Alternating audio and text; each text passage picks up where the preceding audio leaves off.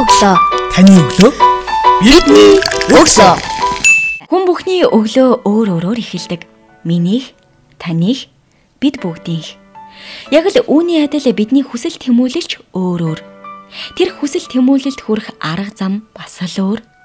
Гэхдээ амжилтанд хүрсэн алдартнуудын амьдралын зам тэмж дардан байгаагүй.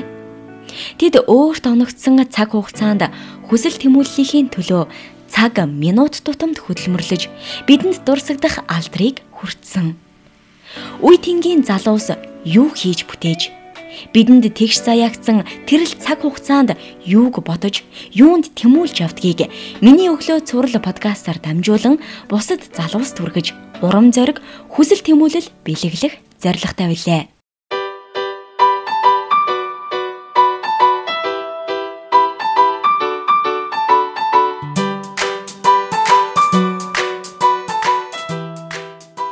Сонсогч танд шинэ 7 өдрийн өглөөний мэндийг хүргэе. Миний өглөө сурал подкастын 170 дахь дугаар танд хүрч байна.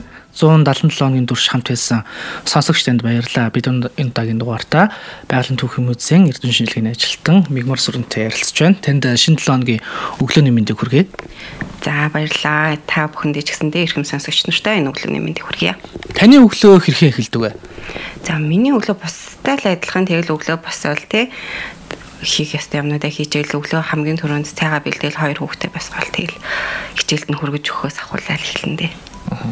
Өглөө босоод хамгийн түрүүнд дадал зуршил болсон үйлдэл бий юу? Бас сэрээд хамгийн түрүүнд хийдэг үйлдэл.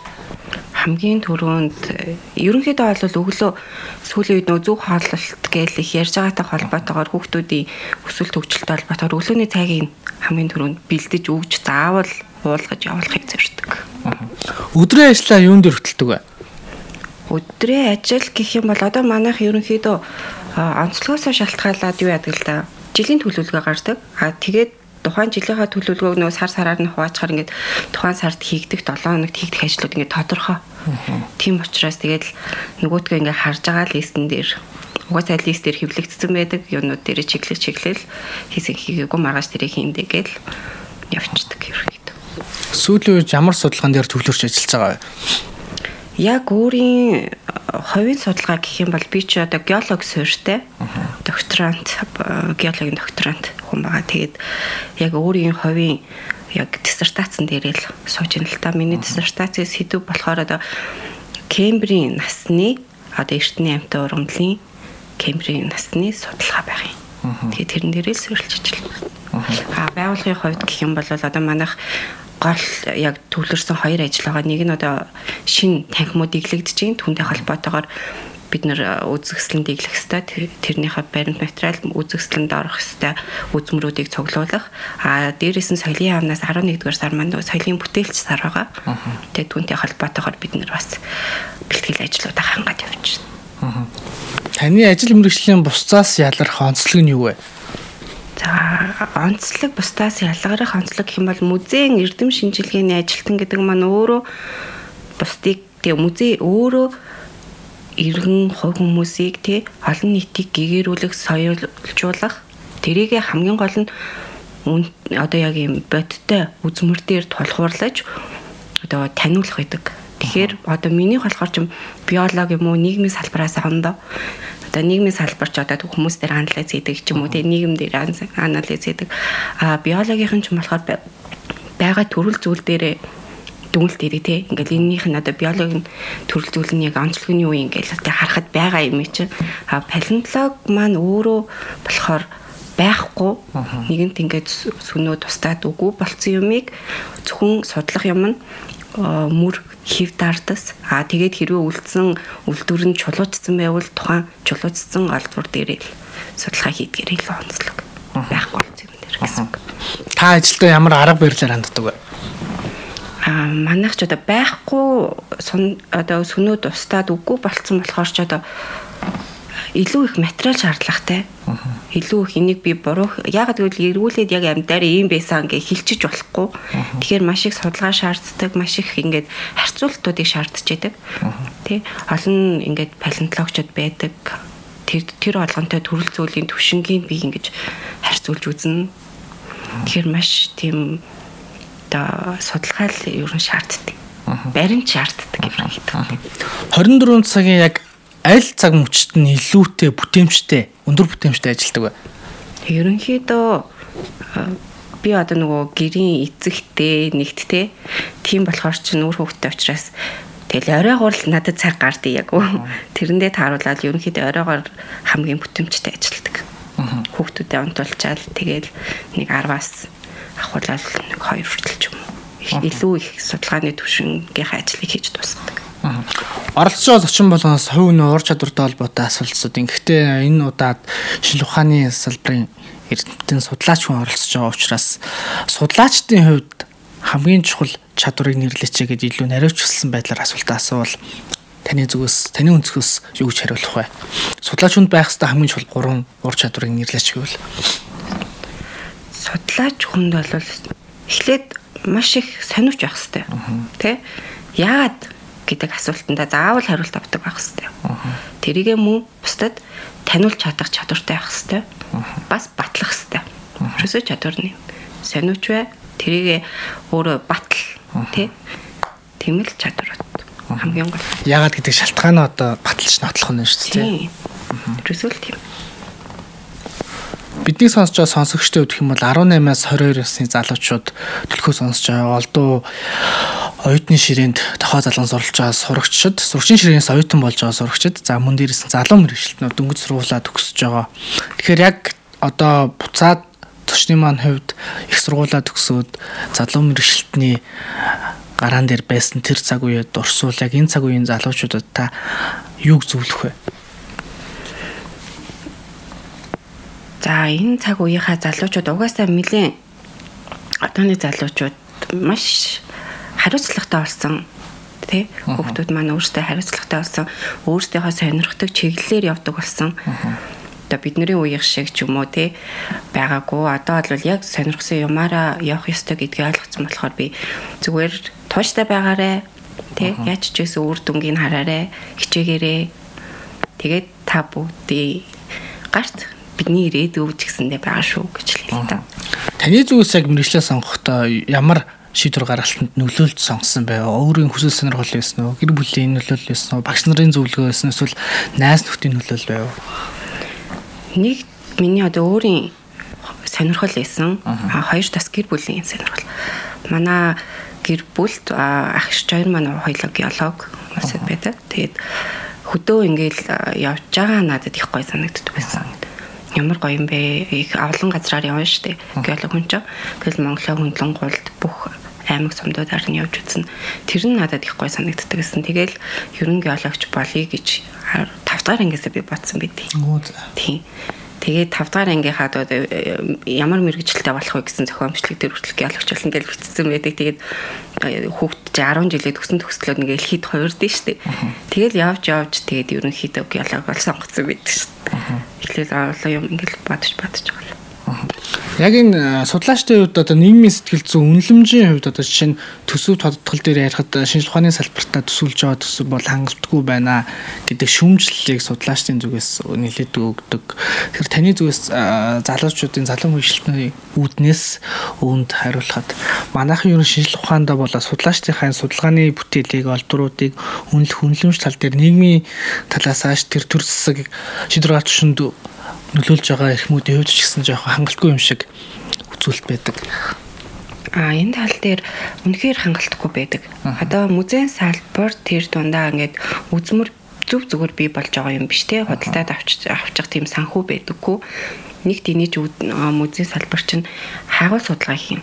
Олж ирсэн үзмэрээ судална А тэрийгэ цааш нь хадгална, бүртгэн, баримтжуулна. Тэгжээж үзмэр олгоно. А үзмэр болсон хэрэглэгдэх хүн маань цаашаа гимтсэн юм уу ямар нэгэн байдлаар одоо сэргийн засварлах шаардлагатай бол сэргийн засварлалтанд ордог тий. Энэ болгон чинь ингээд санхүү шаарддаг аль чатанд нь анхны хайгуул судалгаан дээр ч гэсэн хайгуулын төсөв санхүү шаардна. А судалгаа шинжилгээнд дээр ч гэсэндээ лабораторийн тий бүр үнэхээр наривчлсан судалгаанууд дээр бол энэ материалын ч тэр тий судалгаа шинжилгээ хийгдэг ч тэр зардал шаарддаг. Бүртгэн баримтжуулах дээр ч гэсэндээ ерөнхийдөө баг баг хэмжээний зардал шаардна. А тэгээд хамгийн сүүлд нь үнэлэгдэхдээ эн чинь анхны хайгуул судалгаанаас гарсан зардлаас илүү өндөр үнэлэгдчихдэг байхгүй. Гэхдээ хэрнээ яг тэр үнэлэгдэж байгаа хэмжээний зардал анхны хайгуул судалгаан дээр ерөөсөө өгдөг үү те тэр нь хитрхи ингээд бага гэдэг. Аа сүүлийн 2 3 жилийн хугацаанд ковидтай холбоотойгоор ерөнхийдөө бүх ингээд санхүүнууд танагдсан байдгийг. Тийм. Үүнтэй холбоотойгоор 2 жил бол хайвал судалгаа айгүй баг хийгдсэн байгаа. Тэгэхээр энийг цаашдаа ерөнхийдөө хайвал судалгааныхын төвшөнд аа шинжилгээнийхэн төвшөнд илүү тий төсвийн нэмээд өгвөл аль аль музейн салбарынхаач дээр бүр шинжлэх ухаан суурьтай актем хүрээлэнгүүдийнхаа хувьд ч гэсэндээ хамгийн бидний суурь төвшинчил хайгуул судлах. Таны үед мэрэгчлээс хашрах, шантрах үе тохиож байсан уу? Хэрв тийм үе тохиож исэн бол яаж өөрийгөө зоригжуулж одоо хүртэл тууштай яваа вэ? Мэдээж тэгэл нөгөө эмгтэй хүн чинь баян хөдөө яваад байх хэцүү тий. Тэгээд ар гэрэр өөр хүүхдэд ингээл бодогдоол ч юм уу санах ч юм уу. Айцул хүүтэнд нь халшрах 15 км алхаа явж байхдаа шантрахч үеуд ингээд залуу байхад бол гарч илээс. Жоохон одоо төгсөөд дөнгөж ажил дээр гараад нэг 2 жил болж байгаа хугацаанд одоо би чи 12 жил болчихлоо л доо. Ерөнхийдөө ажил дээр яг геологч гэдэг мэрэгжил гээ эзэмшээд ер нь 12 жил болсон. Тэр хугацаанд ингээд шантраал явж байхдаа тэл би энийг хийхгүй бол өөр хийх юм. Яг гэвэл ингээд миний хийж байгаа судалгааг цаашаа хүн хийгээд дуусгахгүй би л хийх гэдгээ айгуу сайн ойлгоод байсан л та. Би л энийг хийгээд дуусгана яаж хийж агаад гэл тэгээд за за юм зүгээр штэ гэл. Тэгээд л ерөөхдөө өөргөө штэ. Тэгээд ер нь ингээд нэг амар удаан үргэлжлэхгүй Яны хэрэг үед нэг өглөө нэг тэгж бодож яснаа тэгэл оройн ажилласаа буугаад ирэхээр ингээл тавьчирчдаг ч юм. Аа Тэгээл маргааш нь зүг зүгээр өчтөр ерөөсөө ойлаагүй юм шиг бас аль явж байна. Таны хувьд өөрөөрөө болон хамт олноороо эсвэл судалгааны багийнхнаараа бахархам одоо одоо хизээч хаан шилхэд нүүр бартан байдаг бархалт нэг үүлийг иргэн дурсаачгүй ямар үүлийг онцлж хэлэх вэ? Одоо манай ерөнхийдөө манай хоёр музей, Өглөг гөрүүлийн музей байжгаад байгалийн түүхийн музей гэд нэгдээд ингээ хоёр музей нэгтгэхэд ингээд ерөөсөө бахархам үйл явдал гэх юм бол хүмүүсийн зан чанар л байсан.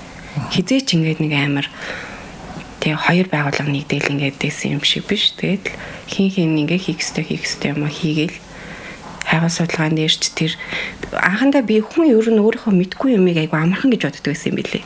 Би болохоор ингээл за биолог гэдэг чинь Тэ ингээд урамлал нь байж байгаа юм чинь Гэл хараад энэ өө ийм штэ юм бэ хэдэн сантиметр ийм өнгөтэй юм бэ би чинь болохоор нөгөө айгу төсөөлтөг тийм манай салбарын айгу төсөөлтөг яаж энэ чулуу үүссэн. Яаж энэ амтан чинь яг ямар дүр төрхтэй байсан гэдгийг ингээд нөгөө айгу төсөөлж бодно. Тэгэд тэрнийхээ анатоми гаргана гэдэг хүмүүс чинь ингээд айгу бусад юмыг айгу амархан гэж боддог байсан. Тэгээд яг байгалийн шинжилгээ ухааны байгалийн салбарынхаа хүмүүстэй нийлээд болоод ирэхэд би Мөн юм биш дээ. Хэрвээ хийж авахд те үнэхээр юм байна. Зөв зүгээр очиод бариад бидний аваад ингээд номонд хатааччих шиг ид биш вэ наа. Аа хүүхдэн гэдэг чинь те үнэхээр хаана одоо яг амны ус ууж байгаа газар нь яг эдэж тижэлж байгаа газар нь айлын. Аа үнэхээр төрөлцгөл нь багасаад байгаа бол тэр яа багасаад байгаа ингээд үнэхээр суурь судалгаанууд бас бид нар шиг нэлээд сайн хийгддэг юм байна гэж бодоод бас бахархсан. Аа байгалийн шинжилгээ ухааны биологийн төрөлцгөлийг судалж байгаа хүмүүс ч яасан манд хүмүүс гэдэг юм бэ. Бас их бахархдаг шүү хамт олноороо. Бага насны хүүхдүүд төсврийн сурагчид байгалийн шинжилгээ ухаанд дур сонирхолтой болсноороо ямар ач холбогдолтой гэж та хардаг вэ?